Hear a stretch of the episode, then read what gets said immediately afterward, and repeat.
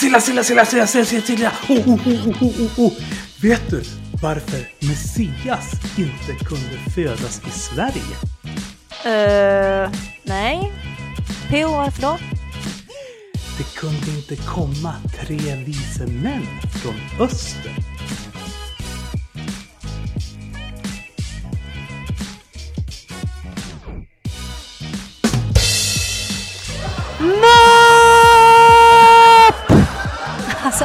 Haha! Men jag håller i och för sig med dig. I Finland har vi mest visa kvinnor. Varmt välkomna till Kristna Datingpodden! En livsstilspodd om kärlek, relationer Teologi, sex, och helikoptrar. med mig, P.O. Flodström Apologet, entreprenör och opinionsbildare. och Silla Eriksson. evangelist, entreprenör och opinionsbildare. Podden presenteras i samarbete med kristendate.se och studieförbundet Bilda. Välkomna till Kristna Datingpodden! Jo, Silla! Har du kommit fram till Finland än? Jag såg att du åkte båt. Jajamän PO, det har jag minsann. Och det är rätt glorious här faktiskt. Landet som flödar av mjölk och honung och en massa härliga, ordentliga och pålitliga människor med skinn på näsan. Här kan ju tro det. Landet som styrs av sossar brukar ju vara rätt glorious. PO, det fungerar i Finland för att Finlands sosseregering är typ som en blandning av SD och Moderaterna. Men du kan ju inte påstå att Sverige är speciellt glorious just nu. Ah, det påståendet skulle jag vilja syna i relation till hur det såg ut under Alliansens tid när Moderaterna härjade i åtta år. Men absolut, vi behöver ju förändring i Sverige. Det finns ju ingen regering som eh, ska sitta och känna sig nöjd med situationen.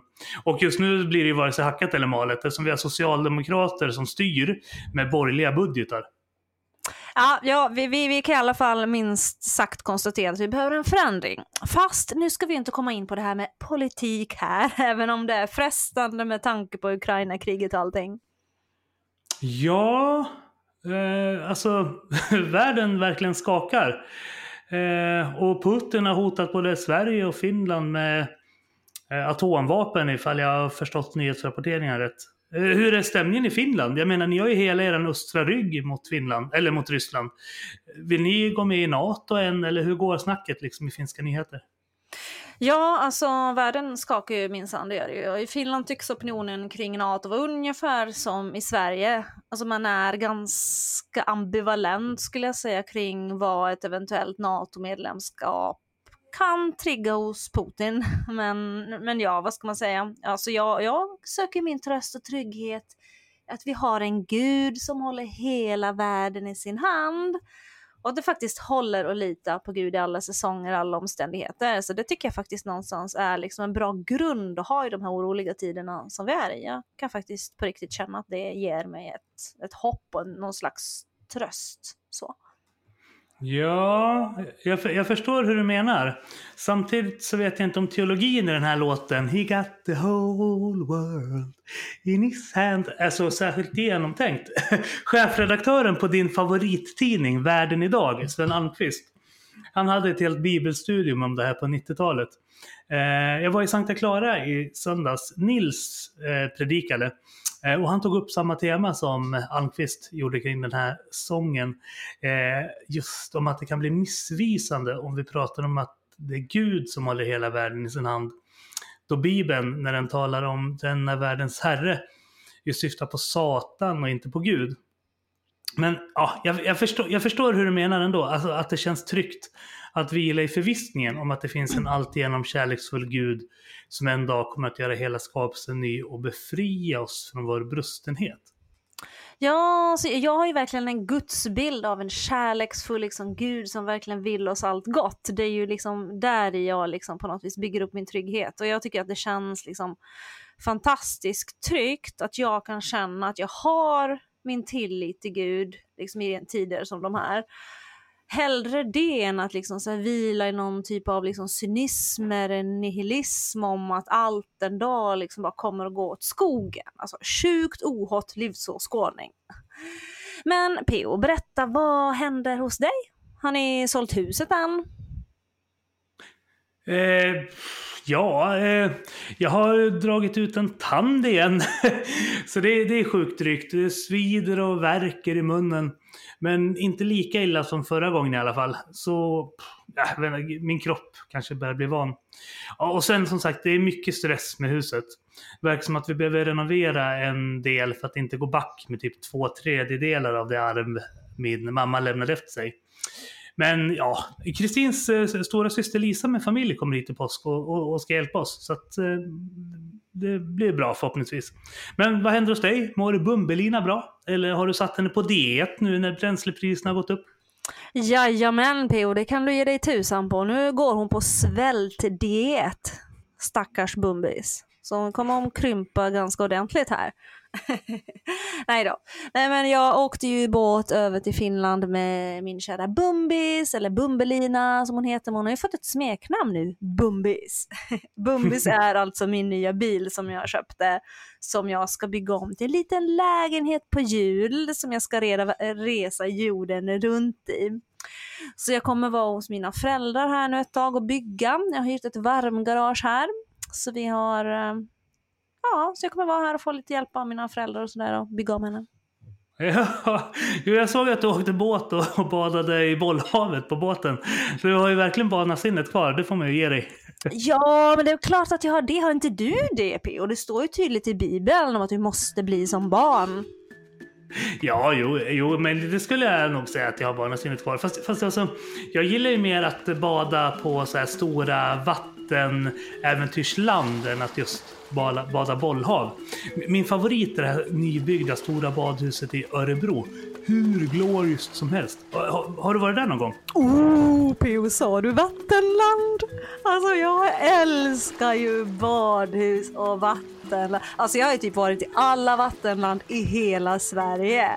Alltså när jag var liten Pio, då ville jag bli så här vattenparksägare när jag blev stor. Jag skulle typ ha mitt alldeles egna, du vet så här Sillas vattenland med massa så här roliga vattenrutschbanor. Och det, det har jag ju kvar faktiskt. Det tycker jag på riktigt vore superkul. Då måste vi åka till stora, eh, jag tror det heter Lost City eller någonting, eller Ar Ar Askan City.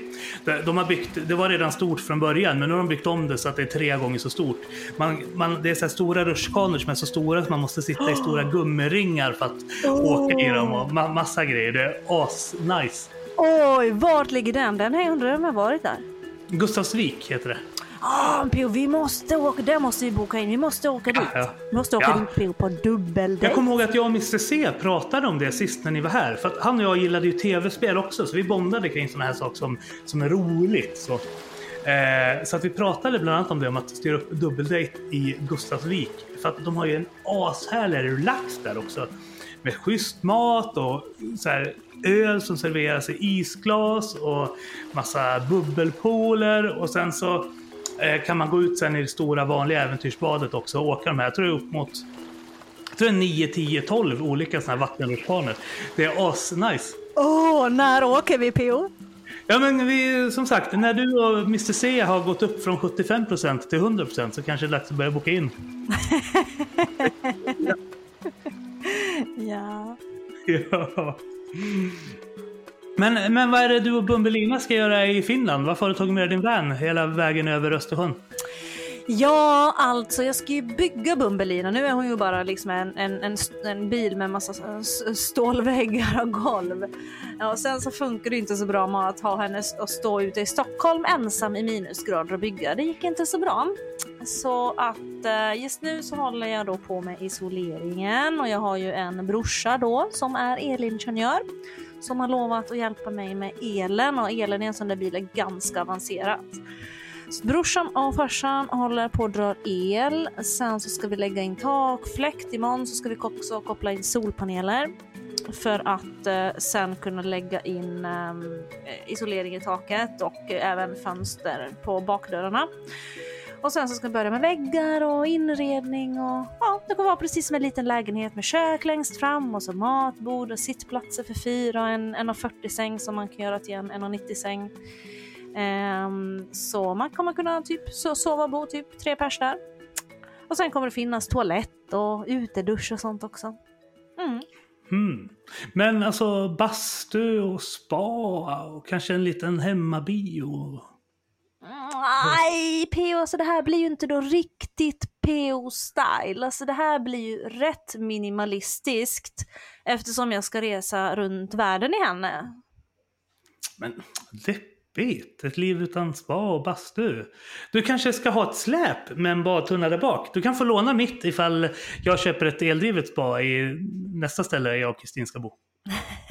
ja, jag, jag gillar på, på ett sätt tanken på, men det, jag tror att det blir lite bökigt.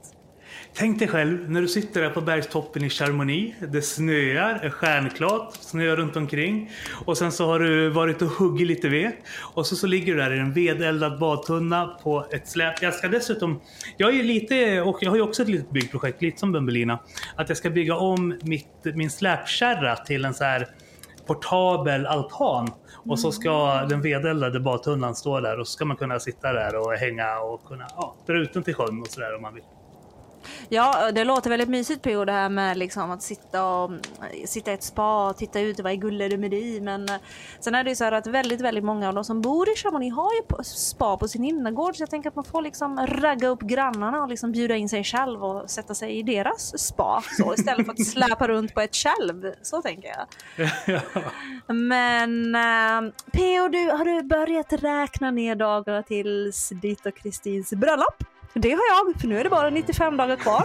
Hur känns det? Jo, men jag tror det blir mysigt med sommarbröllop.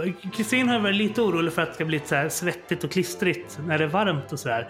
Men alltså, till skillnad från eh, dig så gillar ju jag inte vintern. Så att eh, jag tror att eh, det här med sommar blir bra. Men du, eh, jag har lagt märke till att du har låtit lite extra glad i telefon de här senaste veckorna. Är det något särskilt som du vill berätta?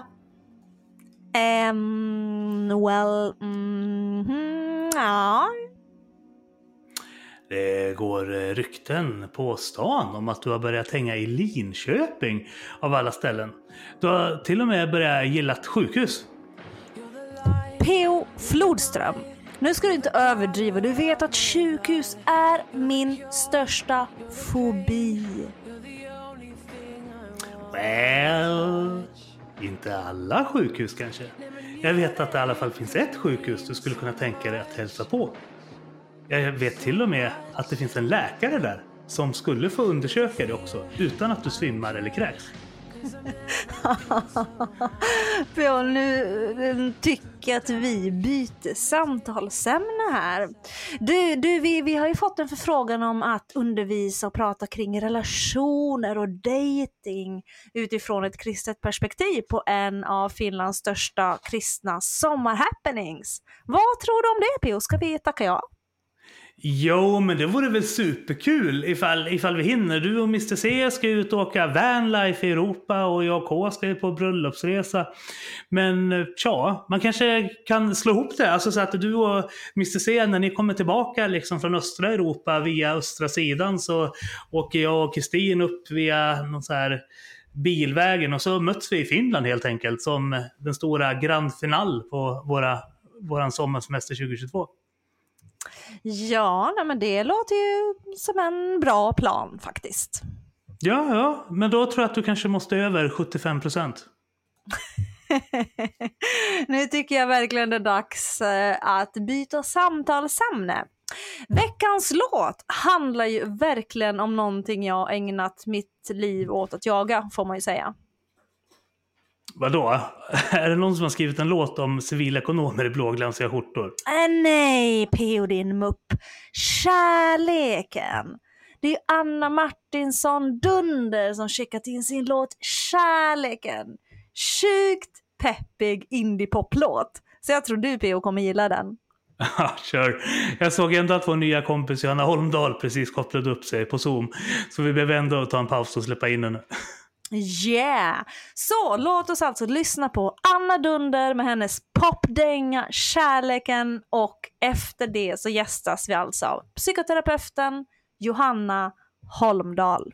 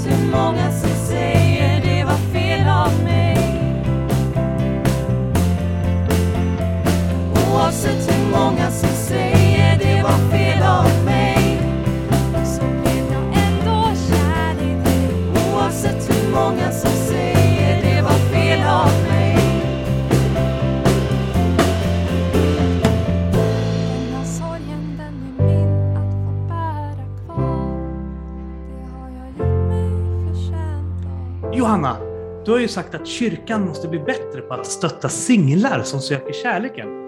Eh, du beskrev det som att det finns det som bär på en djup längtan att träffa någon att dela livet med. Eh, och att detta på inget sätt är skamligt. Men att det ändå är få som själva vågar och liksom orkar föra sin talan i den här frågan i församlingen. Ja men precis. Och när jag läste i Dagen om Eh, en signatur som kallar sig själv snart 40-årig kvinna. Hon skrev till Kristina Halldorf som är terapeut och frågade liksom, finns det något hopp för mig att träffa en partner? Då, liksom, då kände jag igen den här frågan. Både från samtal med vänner och bekanta men också utifrån ämnen som dyker upp med, med mina klienter. För den här frågan, den är ju, hon är ju långt ifrån ensam den här brevskriverskan. Och det handlar ju om både män och kvinnor som, som längtar efter att träffa någon i, i kyrkomiljö. Och det är inte särskilt lätt alltid. Ehm, och jag kommer ju tänka på det Sleepless in Seattle-filmen. Det är nog många med mig som har sett den. Nora Ephron-klassikern. Där man säger det är lättare att bli dödad av en terrorist än att hitta en make efter att man har fyllt 40. Men ta med tusan, det där är ju sant så fort man är över 30. Alltså man behöver faktiskt inte ens vara 40. Så kanske det är. Och, och liksom den statistiken är ju inte sann liksom egentligen. Men ja, Kanske inte det. Det känns verkligen så. ja men det gör ju det. Och, och liksom det är lätt att känna rätt stor modlöshet. Både liksom i din och signaturens snart 40-årig kvinnas situation. Och jag, jag tänker liksom, om vi bara tänk, gör någon egen statistik i hjärnan sådär. Hur, om vi träffar en partner som faktiskt delar en tro, hur många är det? Ja, inte så jättemånga, för det ska gärna vara någon singel också. Och så tänker man någon man är i ungefär samma ålder som och sen någon som man kanske faktiskt har någonting gemensamt med som inte bara vilken random person som helst. Då har vi liksom max en handfull personer att spela med. Och hur ska man komma i kontakt med varandra? Det är inte särskilt lätt. Nej men exakt, alltså jag, jag, jag är ta mig tusan på väg att ge upp det här med kristna män.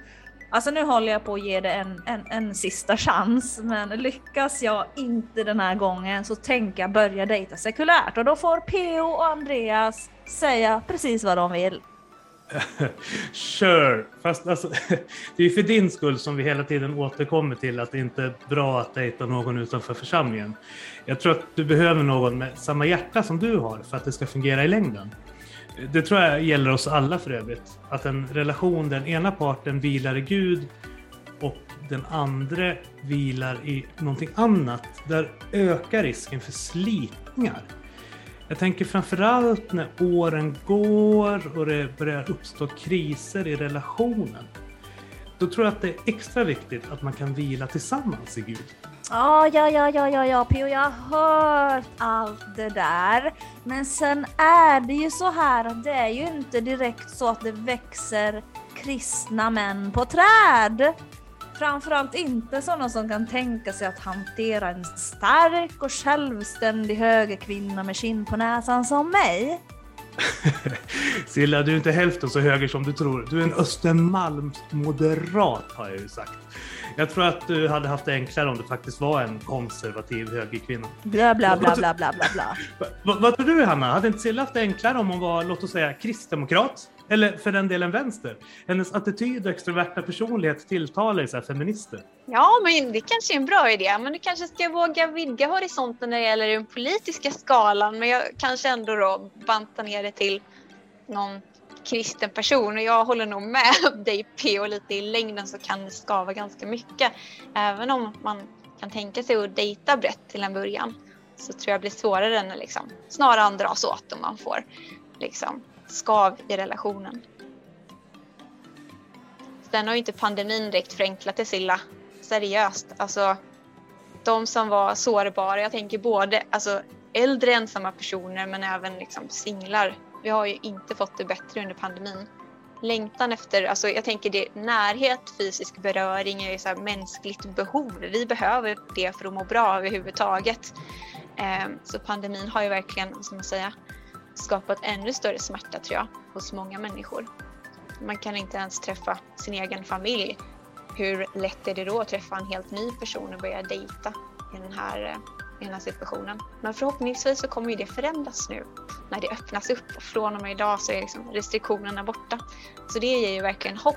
Och det var lite angående det som jag liksom tänkte när jag skrev till dagen. Jag tänkte att nu behöver vi ge en apropå till kyrkan nu att ta den här chansen och öppna upp kyrkorna för de som behöver det bäst. Och det är ju det är de som har längtat efter att umgås med människor och få lära känna och få dejta. Och jag håller liksom med om det som Kristina Halldorf skrev i dagen om att det är också viktigt att hitta andra glädjeämnen i livet så att säga. Och framförallt att inte låta negativa självbilder begränsa ens handlingsutrymme eller att för den delen dejta överhuvudtaget. Jag vet ju många singlar som inte ens vågar ta det steget och dejta för det är jobbigt i sig. Men min erfarenhet är att det är faktiskt är många, liksom både glada, resursstarka, med socialt kapital kvinnor som är engagerade i samhälle och kyrka som ändå är den här kategorin längtande singel. Man ber, man har fokus på Gud, man kanske har kreativa arbeten, fritidsintressen, man ger av sig själv till sin omgivning, inte rädd för det sociala, eh, och är engagerad i församlingen. Och jag tror ju självklart, precis som Emma Audas sa i samma, samma nummer av dagen, att liksom slutmålet med livet handlar ju till syvende och sist om Gud.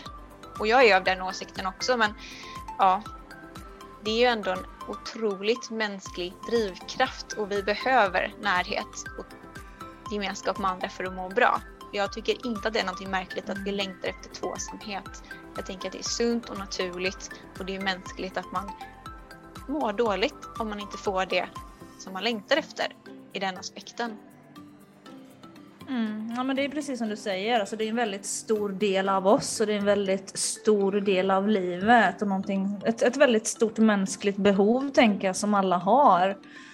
Och det finns ju också väldigt, väldigt mycket liksom starka liksom resurser, liksom färgstarka kvinnor ute i våra kyrkor eh, kan jag uppleva på ett helt annat sätt än vad det kanske finns män. Alltså det finns ju också män, men vi vet ju också att det är ett underskott av män i kyrkan, att det liksom blir mera singelkvinnor så.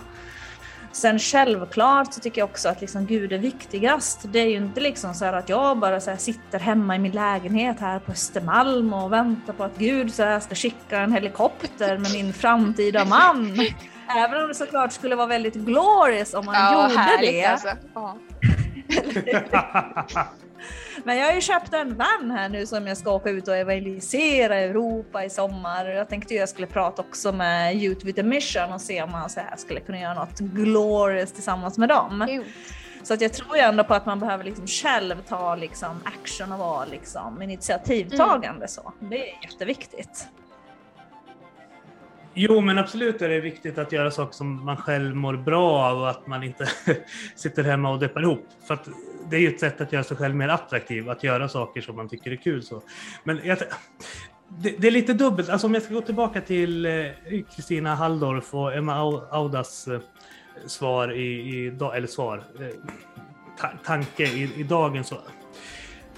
För, för jag tänker så här lite, alltså evangelisationskampanjer och Bumbeliner i all ära. Jag, jag är inte helt nöjd med att svaret på singlars längtan lite för ofta i församlingskontext är just det här att fokusera på Gud. Eh, för att jag uppfattar att det kan vara kärnan och det centrala oftast i ungdomspastorers förkunnelse när de pratar om relationer. Och jag menar bibelskolor som egentligen borde vara det mest perfekta stället för kristna ungdomar att träffa sin partner. Där på första dagen så säger ledaren ofta till dem att så här, ja, och nu ska ni tänka på att ingen får inleda någon relation här utan ni ska bara fokusera på Gud. Vart någonstans är en bättre plats att träffa sin framtida partner än på bibelskola? Eh, och, och sen om jag, bara, om jag ska bli personlig och gå till mig själv också, så här, innan jag träffade Kristin så spydde jag på sådana här hurtfriska uppmaningar om att fokusera på Gud. För alltså visst, kör, alltså, jag, jag lutar ju mot Gud även i min ensamhet. Men precis som Johanna säger tror jag det är jätteviktigt att vi i vår församlingskommunikation och i vår kristna kommunikation inte underskattar det här grundläggande mänskliga behovet som i alla fall en del människor har av att höra ihop med någon. För jag personligen, jag hatar verkligen livet som singel. Det är min värsta mardröm att leva och dö ensam. Ja, jag, jag håller verkligen med dig och Det är en sån här liksom rädsla jag också har. Tänk om det, alltså, skulle, tänk om det skulle bli så. Att man ska leva och dö ensam. Och jag tror att det är en rädsla som väldigt många har också ute i våra församlingar. Man vill inte vara själv. Det är liksom en rädsla liksom man har och går och bär på. Och jag tror också att vi behöver liksom vi behöver ju skapa mera plattformar. Om man inte ens ska kunna träffa en partner på bibelskolan som är kristen, alltså vart ska man annars träffa någon? Det är ju jättesvårt. Ja, men, Och på gudstjänster ska man ju tydligen inte heller träffa någon för där ska man ju också fokusera på Gud. Ja, men jag, jag, Alltså vad, vad, vad, vad blir det över då liksom? Om man inte kan liksom träffa någon i kyrkan på en gudstjänst och man kan inte träffa någon på en bibelskola. Ja men var träffar man då en kristen partner egentligen? ja, men jag är helt enig och det var därför jag skrev den här artikeln. För att jag vill ha upp ett resonemang eh, i kyrkledningar om den här frågan. De flesta människor längtar efter tvåsamhet. Och inte minst den här kulturen som har det både som norm, både socialt och ekonomiskt. Man känner sig utanför. Och inte minst i församlingen. Alltså jag vet inte om vi är bättre på att visa en ny no- biblisk norm för hur vi ska leva i församlingen. Den bibliska normen är ju storfamilj skulle jag säga, eller kanske kollektivt egentligen. Att visa på en annan, en motkultur egentligen i församlingen. Men jag skulle inte säga att vi är så bra på det heller och då tänker jag då behöver vi åtminstone få upp på agendan att det finns människor som inte lever i kärnfamiljen och vi behöver tänka på det när vi skapar aktiviteter. Det ska upp på agendan. Jag menar, vi har ju pensionärsaktiviteter och vi har barnaktiviteter och tonårsarbete så att säga. Men singelarbete borde vara lika inbakat tycker jag när man planerar verksamheten. Och då vill jag också ha ett medskick från en kompis som sa ja men jag vill inte ha utpekande aktiviteter bara som bara heter singel med fokus på att träffa någon. Mm. Men liksom aktiviteter som är liksom för vuxna människor, kanske över 35, som kan mötas i Mm. olika sammanhang och forum där det kanske inte är då fokus på familjen eller ja, Mm. ni hänger med. Utan att Mm. någonting Mhm. annat. Så därför vill jag uppmana församlingsengagerade att visa särskild omsorg för ofrivilliga singlar som längtar efter att träffa någon. För det här är ju jättesvårt, även som icke-kristen är det svårt om man då tänker att då har man väl fler att välja på. Alltså datingdjungeln är ju supersnårig och de flesta går på och nitar och får verkligen sår längs den vägen. Eh, alltså Tinder är en djungel. Eh, Mm, Mm. skojar inte. Mm.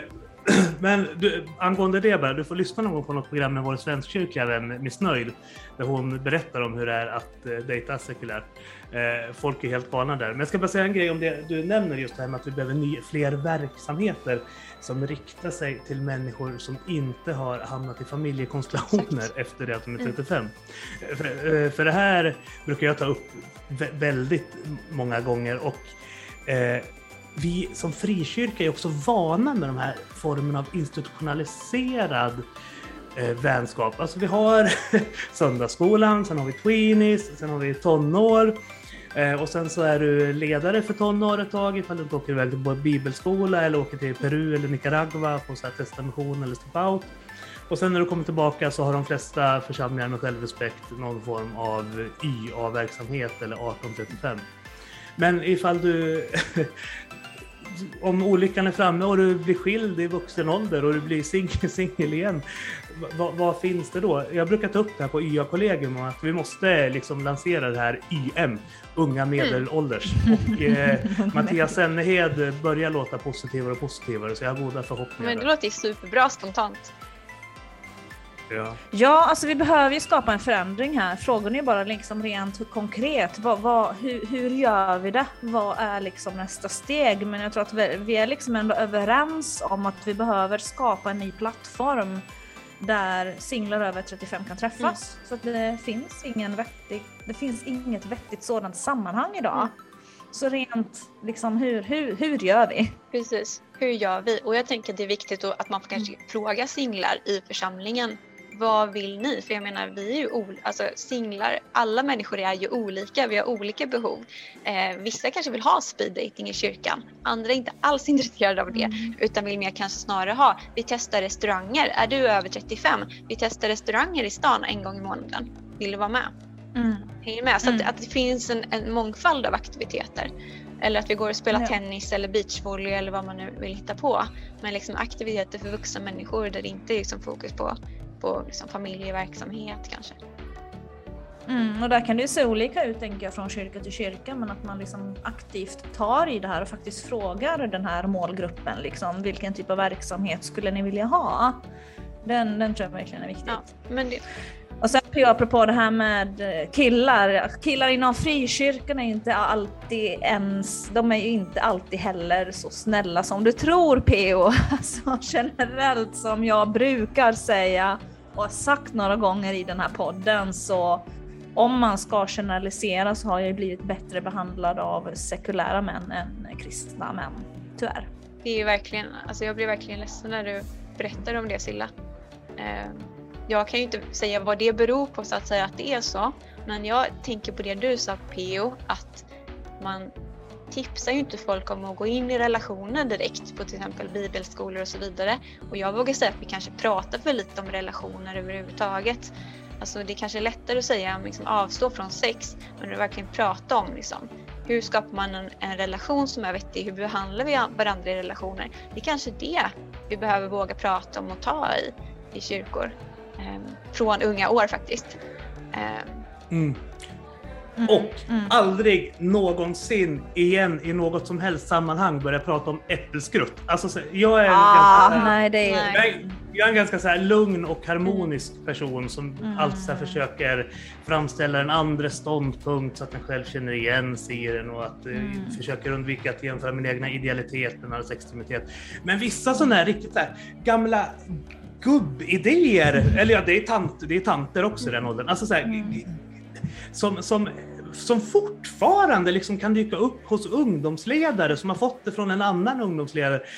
Eh, sånt gör mig så sjukt frustrerad att till och med jag blir onyanserad och kategorisk när jag träffar på ungdomar som fortfarande tar del av den typen av förkunnelse. Mm, ja, jag förstår dig verkligen. Alltså, jag tror verkligen, alltså, det är, alltså, vi, vi har pratat om det här så många gånger Pio, men det är ju så viktigt att öppna upp till en dialog kring de här sakerna. Jag, liksom, vi, vi märker verkligen det de gånger vi har gjort det.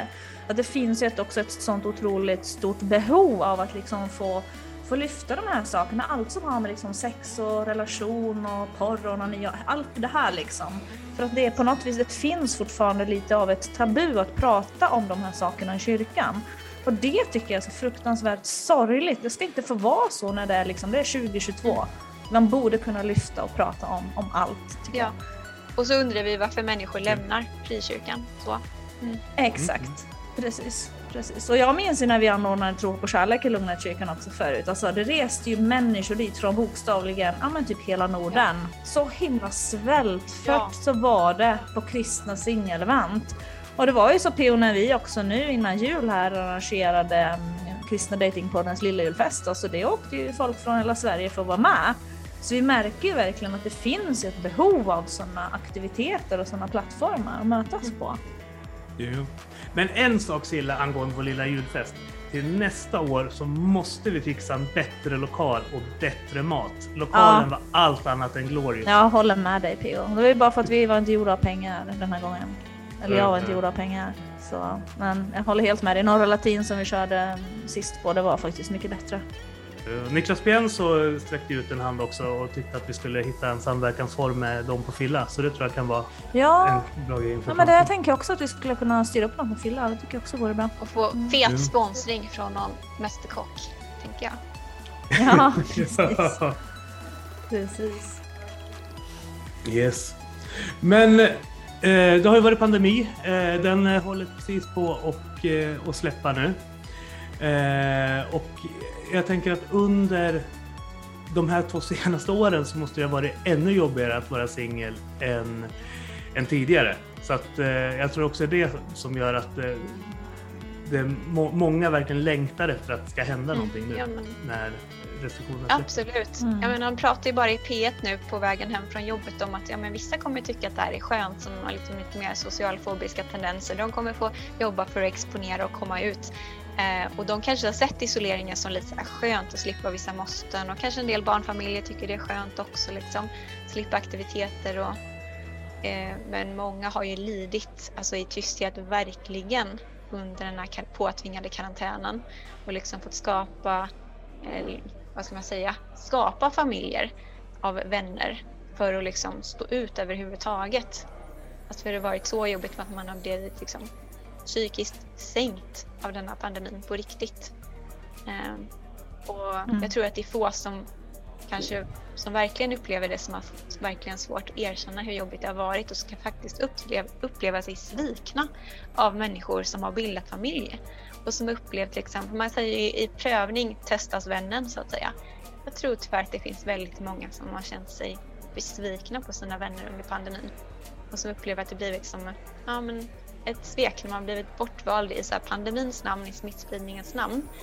Ehm, och man har liksom känt sig tvingad att skapa egna familjer av andra singelvänner så att säga och samtidigt gått runt och känt sig skyldiga över att man ses överhuvudtaget.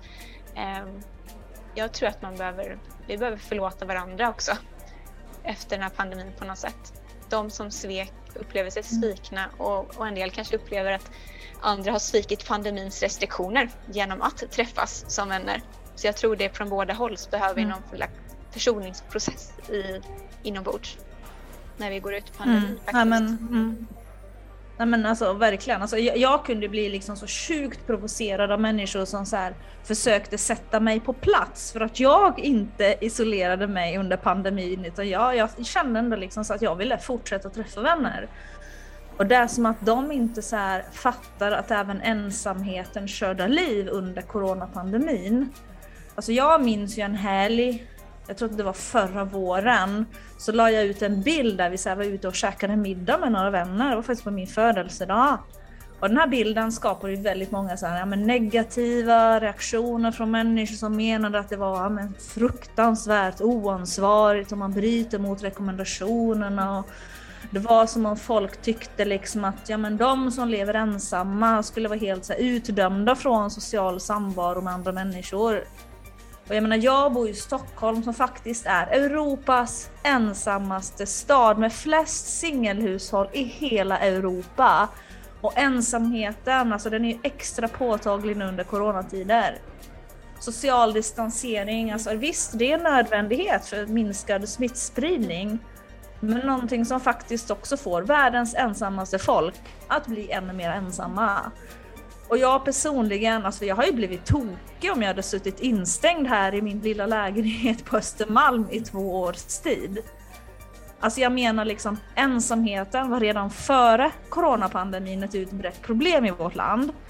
Och de uppmaningarna till liksom begränsade sociala kontakter som inte lyftes förrän nu exakt två år senare hade riskerat att få sjukt ödesdigra konsekvenser, särskilt för singelhushåll. Och du som är psykolog Johanna, alltså, jag tänker så här, alltså, hur påverkar det oss när arbetsplatser, gym, kyrkor, idrottsarenor och liksom andra så naturliga arenor för social interaktion stänger ner under så lång tid? Alltså jag menar, vi vet ju att det finns en stark koppling mellan ensamhet och psykisk ohälsa. Studier som faktiskt precis har släppts från Uppsala universitet visar ju faktiskt nu att hela 46 procent av befolkningen lider av psykiskt dåligt mående i Sverige. Alltså vad händer i en stad som Stockholm, huvudstaden med flest singelhushåll i hela Europa, när de sociala arenorna försvann i två hela år? Alltså jag har svårt att se liksom så här hur resultatet kunde bli något annat än depression i olika former. När vi liksom, världens ensammaste folk, blir ännu mer ensamma. Jag kan bara säga att du har helt rätt. Eh, ensamhet kan ge både psykiska och till och med fysiska symptom. Så att det går, jag tycker inte man ska underskatta det. Det hade inte gått att ha restriktionerna längre tycker jag, ur både psykisk och fysisk så att säga, eh, utgångspunkt för att det, ja, det kan vara lättare att säga att man är deprimerad ibland men ensamhet kan ju absolut leda till depression och till och med till så att säga fysisk smärta. Och det finns ju också mycket, mycket forskning nu som pekar på att det kan vara lika skadligt med ensamhet eh, som att röka till exempel, alltså i, i, samma, i samma svårighetsgrad så att säga. Eh, socialt stöd vet vi är en bra buffert mot stress till exempel. Och upplever man inte det så har man svårare att lugna sig själv, komma ner i varv. Även beröring är viktigt för lugn och ro. Må bra-hormonet i kroppen kallas för oxytocin och det utsöndras när man tar i andra, när man kramar andra. Eh, som man trivs att krama såklart. Eh, mm. det är ju väldigt svårt att få tillgång till det om du ska hålla två meters avstånd till folk. Det är ju inte görligt helt enkelt. Eh, man har gjort, jag menar, ta bara Ceausescus barn i Rumänien. De fick ju men för livet utan beröring och det finns även forskning på apor som kanske inte skulle godkännas idag men som man genomförde på 50-talet som ja, blev psykiskt, eh, psykiskt nedsatta eh, av eh, att inte få någon beröring. Man tog ifrån dem möjlighet till interaktion med andra, med andra apor. Så att jag menar, det är så grundläggande. Det hade inte gått längre och det är inte konstigt om man mår dåligt psykiskt och fysiskt sammanfattningsvis. Vi mm. behöver varandra. Mm. Jag, jag, ty jag, tycker det är intressant det Johanna nämner också om att eh, den här pandemin har splittrat samhället på flera olika sätt. Dels kring vaccinationsfrågan. Det är väl kanske den mest, eh, den mest tydliga, liksom så här, mm. de som är för vaccination och de som är emot vaccination. Eh, att det har blivit väldigt eh, högt uppskruvat tonläge, som den förre statsministern brukade säga. Men också just det här med hur vi förhöll oss till restriktionerna. Alltså jag har ju vänner som har slutat prata med mig på grund av att jag valde samma väg som Silla eh, och fortsatte ha sociala sammankomster i mitt hem under pandemin. Så. Mm. Eh, och eh, även att jag, jag känner ju- jag känner igen den kritiken som Silla får på eh, olika Facebook-poster. Sen, vi är ju oftast med i varandras Facebook-poster så det är gemensam kritik mot oss. Men det, det blir så... Det som blir provocerande för mig är just det som, jag tror det var Johanna som nämnde också, just det här att människor ser ibland inte utanför det vatten de själv står i så.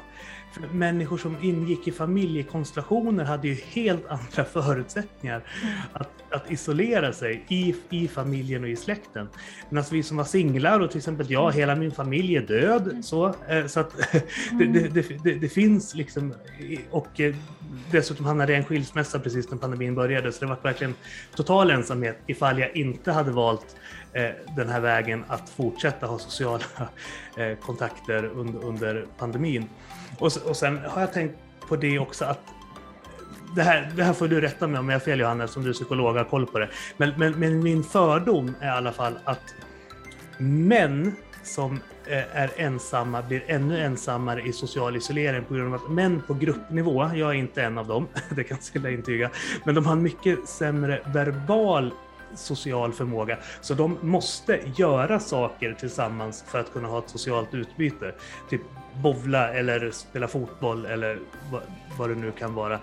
Medan tjejer på gruppnivå på ett helt annat sätt kan upprätthålla sociala kontakter via telefon eller videochattar och sådär. Eh, men ja, Johanna, har du någon, har du någon koll på det? Nej, Just men jag kan i alla fall bekräfta att män som, som blir ensamma så att säga efter att ja, partnern har dött, om vi tänker heterosexuella relationer i alla fall, då har ju män klarat sig mycket sämre än vad kvinnor gör. Precis av den anledningen som du säger att det är ofta kvinnan som har hållit igång nätverket överhuvudtaget. Av de anledningarna som du säger. Man, kvinnor är fortfarande, jag vet inte om det skiljer sig i en ny generation kanske, men mer socialiserade att eh, hålla igång relationer på olika sätt eh, än vad män är. Så då får man en större uppförsbacke och ta de här kontakterna. Jag tycker du beskrev det väldigt bra. Mm, det är ganska intressant. Nu kanske det här blir lite ett sidospår, men någonting som jag tycker är väldigt, väldigt intressant. Det är ju att äktenskapet är ju också någonting som tycks skydda en man i mycket större utsträckning än en kvinna.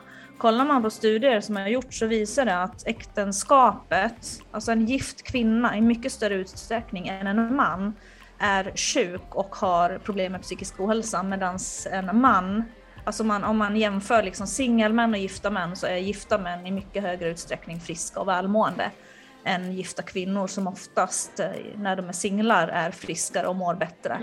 Men när de blir gifta så, så ökar deras psykiska ohälsa. Och det är väldigt intressant att ett äktenskap verkar skydda en man betydligt mer än en kvinna. Vad, vad tror du att det beror på?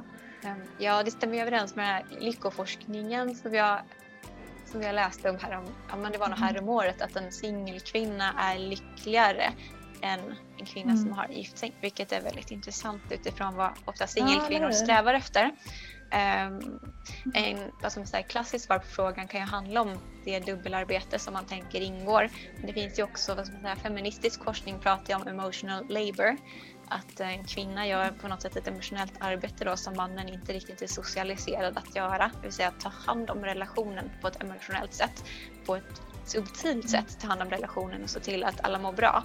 Och sen uttryck, ut, yttrar det sig säkert också i vad ska man säga, konkreta eh, beteenden som man, man tar ansvar för. Men jag vet inte om det är på gång med någon slags generationsskillnad för jag kan tänka mig att min lillebror är nio år yngre än vad jag är. Han kanske beter sig väldigt mycket annorlunda Mm. än vad min pappa gör på det området. Så jag vet inte om det Mm. kanske är på gång med en, en skillnad. Men jag skulle säga både emotionellt arbete och sen det här klassiska dubbelarbetes, dubbelsar, dubbelarbetesforskningen som man ser att ofta så Mm. går kvinnan på sitt andra arbetspass när hon kommer i hemmet. Men det här pratar vi ju väldigt Mm. generell nivå. Det finns säkert Mm. män som tar mycket av hushållsarbetet också. Eh, när man Mm. gjorde någon studie i Norge på det där med arbete i hemmet så när man tittade på män som gjorde lika mycket arbete i hemmet som kvinnor så upphörde skillnaden i utmattnings, ja, tecken på utmattning i alla fall. Mm. Så när det Ja, det är intressant. det är Mm. faktiskt det. faktiskt. Mm. Och det känns ju som att vi är i någon slags brytpunkt där liksom, att de som växer upp nu, att det kommer bli mer jämställt, att man kommer ta mer gemensamt ansvar för, för hus och hem och barn och så. Så det, det, det går åt rätt håll, det tror jag verkligen att det gör där. Det är min förhoppning i alla fall. Mm. Mm, mm. Jo. Men, Men om vi ska ja, om, om, om, vi, om vi ska tillbaka till eh, framtiden ja. eh, och eh, det som väntar oss nu när samhället öppnar upp och alla restriktionerna är borta och så. Mm. För en del kanske ensamheten blir ännu mer påtagande nu. Alltså jag tänker att kontrasten mellan att finnas i ett socialt sammanhang och att inte göra det kanske blir ännu större när det inte är pandemi. Har ni några tankar kring, kring det? Hur vi kan liksom vara på tårna här nu och som församlingsrörelse verkligen kliva fram och ta ett socialt diakonalt ansvar? Mm, alltså jag tror att vi, del, vi har ju tränat, tränat in på något sätt ett nytt beteende nu under den här pandemin och någonting som jag tycker ska bli väldigt intressant att se det är ju liksom hur lång tid tar det för oss att liksom ta oss från det här nya beteendet vi har tränat in till att gå tillbaks till det gamla. Eller kommer vi ens göra det? Det är lite intressant tycker jag. Eller kommer vi att välja att ta många möten nu digitalt för att det är ju så smidigt och det är ingen förflyttningstid. Alltså kommer vi välja att lägga flera saker digitalt av en bekvämlighetsskäl. Vilket också är, Mm. ger en nackdel då att det blir färre, färre IRL-interaktioner.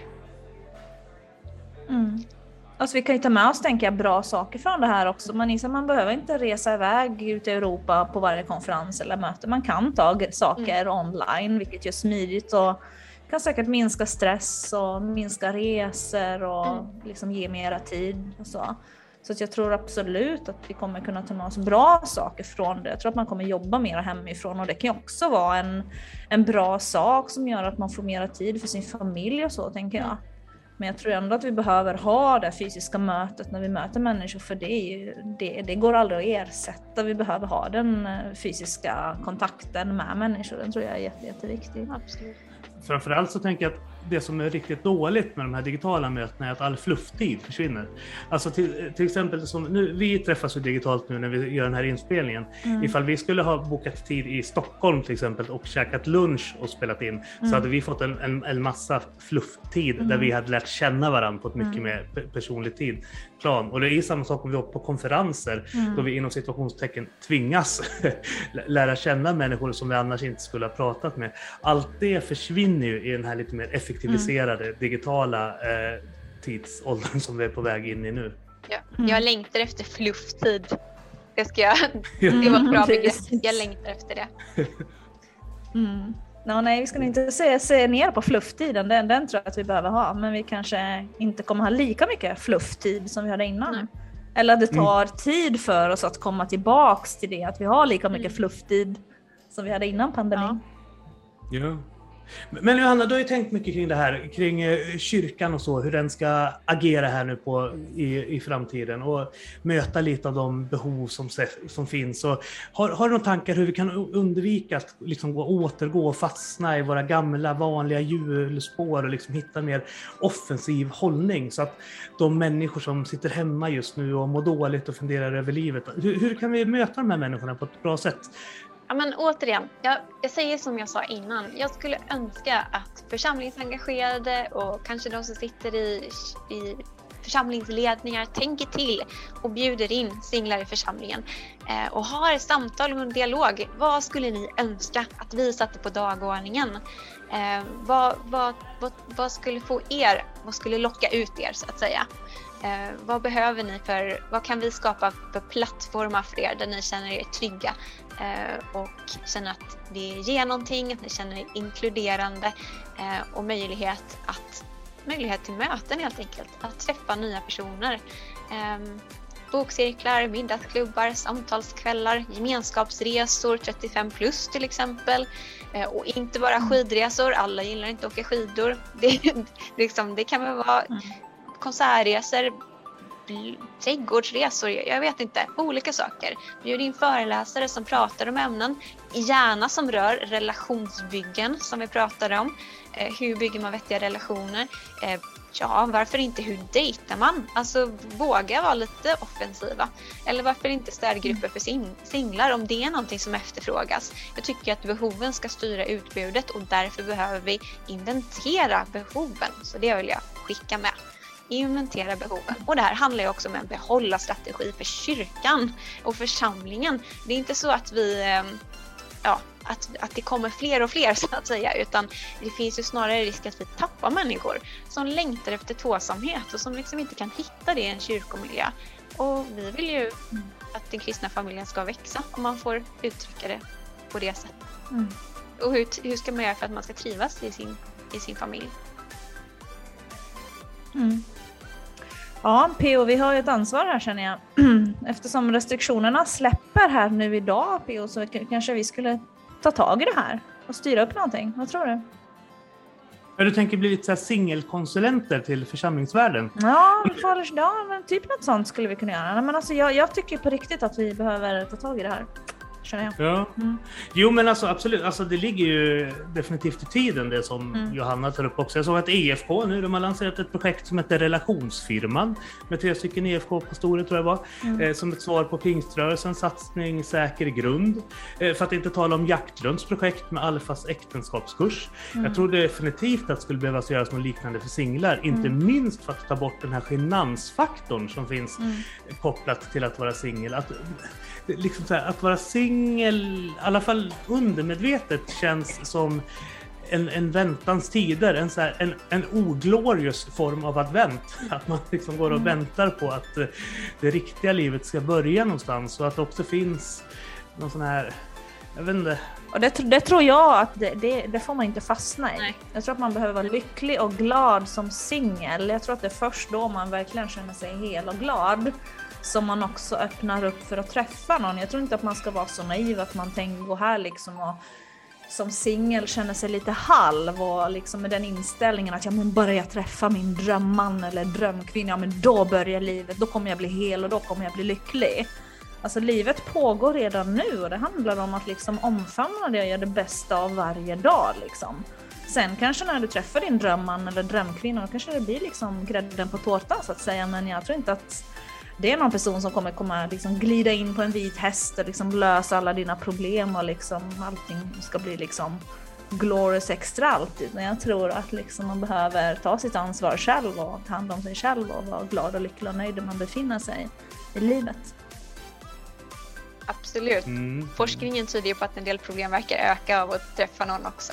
Så att eh, det kan man ju Mm. ta med sig i bakhuvudet. Mm. Men vi behöver absolut Ja. hitta arenor som gör det möjligt. Leva ett fullgott liv och samtidigt röra sig på arenor där det finns möjlighet att, att träffa någon. Ehm, och jag tänker att det är viktigt att inte begränsa sig till den egna församlingen utan bjuda in till större sammanhang precis som ni gjorde med inriktning liksom mötesplats. Det kan handla om liksom hela Norden. Varför inte det? Det vore ju skithäftigt tycker jag.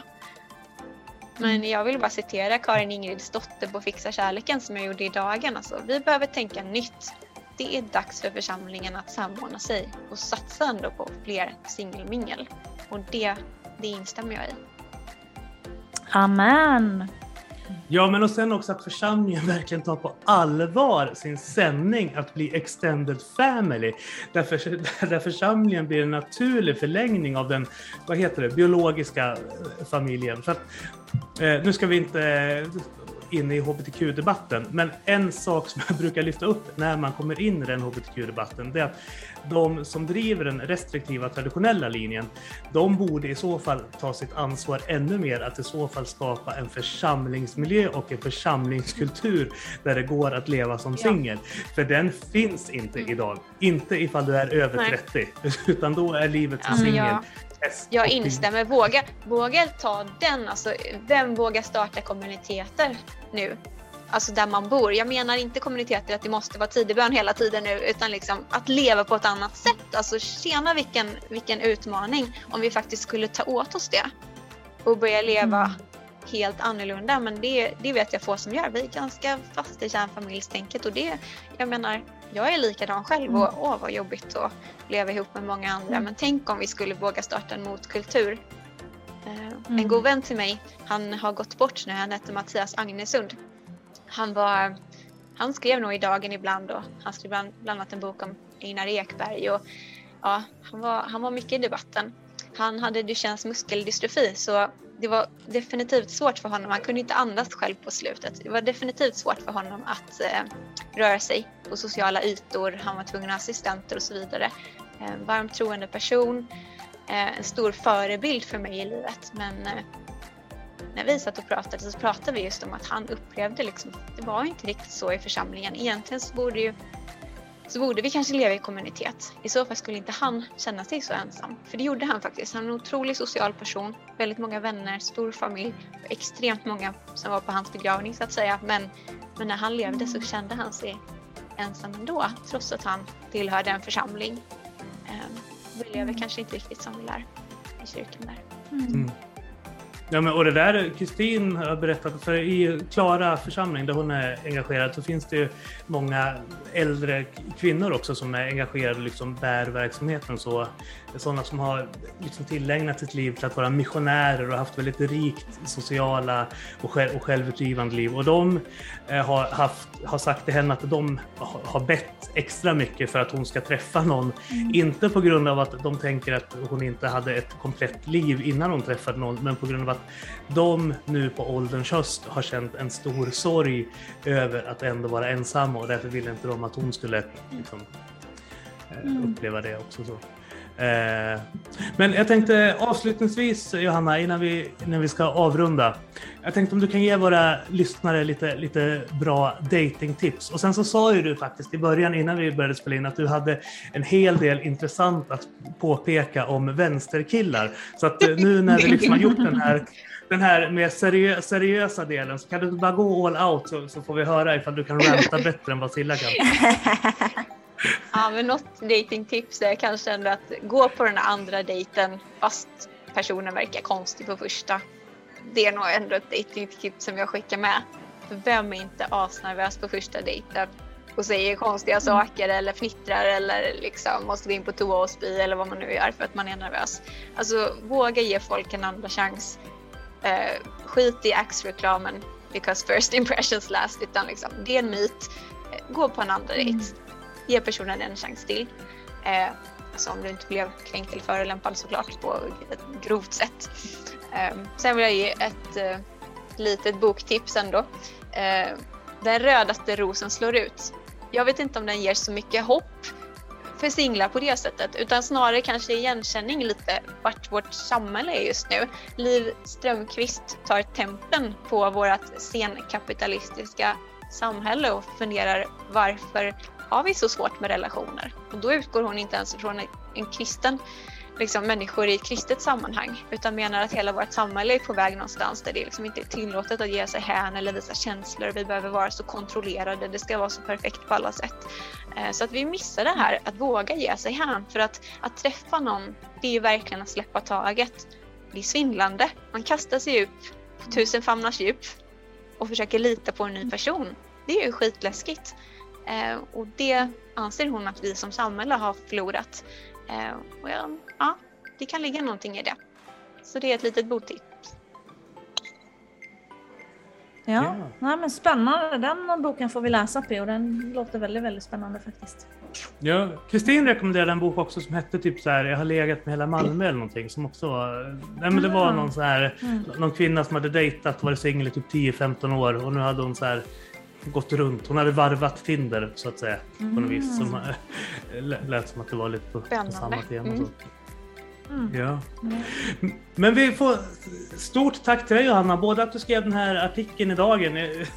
Jag tycker det är jätteviktigt att många olika personer mm. eh, ur olika livssituationer lyfter den här frågan. Och, och, du, vi kan nämna det för lyssnarna, att du är ju gift så, så att du talar ju inte i egen sak utan du talar utifrån vad du ja, ser men vänner, bekanta, klienter. Ja. ja. Det är många mm. som mm. upplever det här. Och ja, det är väldigt mm. svårt mm. att vara så modig att man ställer sig upp på församlingsmötet och säger Hej, jag är singel, jag har någonting för mig. Mm. mm. Och då kände jag, då vill jag, jag vill liksom börja liksom eh, den diskussionen, det samtalet. Kanske kan bli någon gemensam artikel sen i framtiden Silla? Ja, eller hur? Visst. Det låter väldigt ja. spännande. Mm, nu, kör, nu kör vi! Ja. Glorious! ja. men, äh, jätteroligt Johanna att få ha dig med. Jätteroligt att prata med dig verkligen. Så stort tack verkligen. Tusen tack för att jag fick komma. Och med det Silla så får du önska våra lyssnare. Ja, vi önskar alla våra lyssnare. Johanna ville vara med. Vi brukar önska alla våra lyssnare stor puss och kram. Säger vi ett. Så vi kör Ja. där. Så vi önskar alla våra lyssnare en stor Puss och Och kram! Stort tack för att du har lyssnat på Kristna Datingpodden. En livsstilspodd i samarbete med kristendate.se och studieförbundet Bilda. Mig, Silla Eriksson och Med mig, Theo Flodström följ oss på kristendate.podbean.com och Spotify.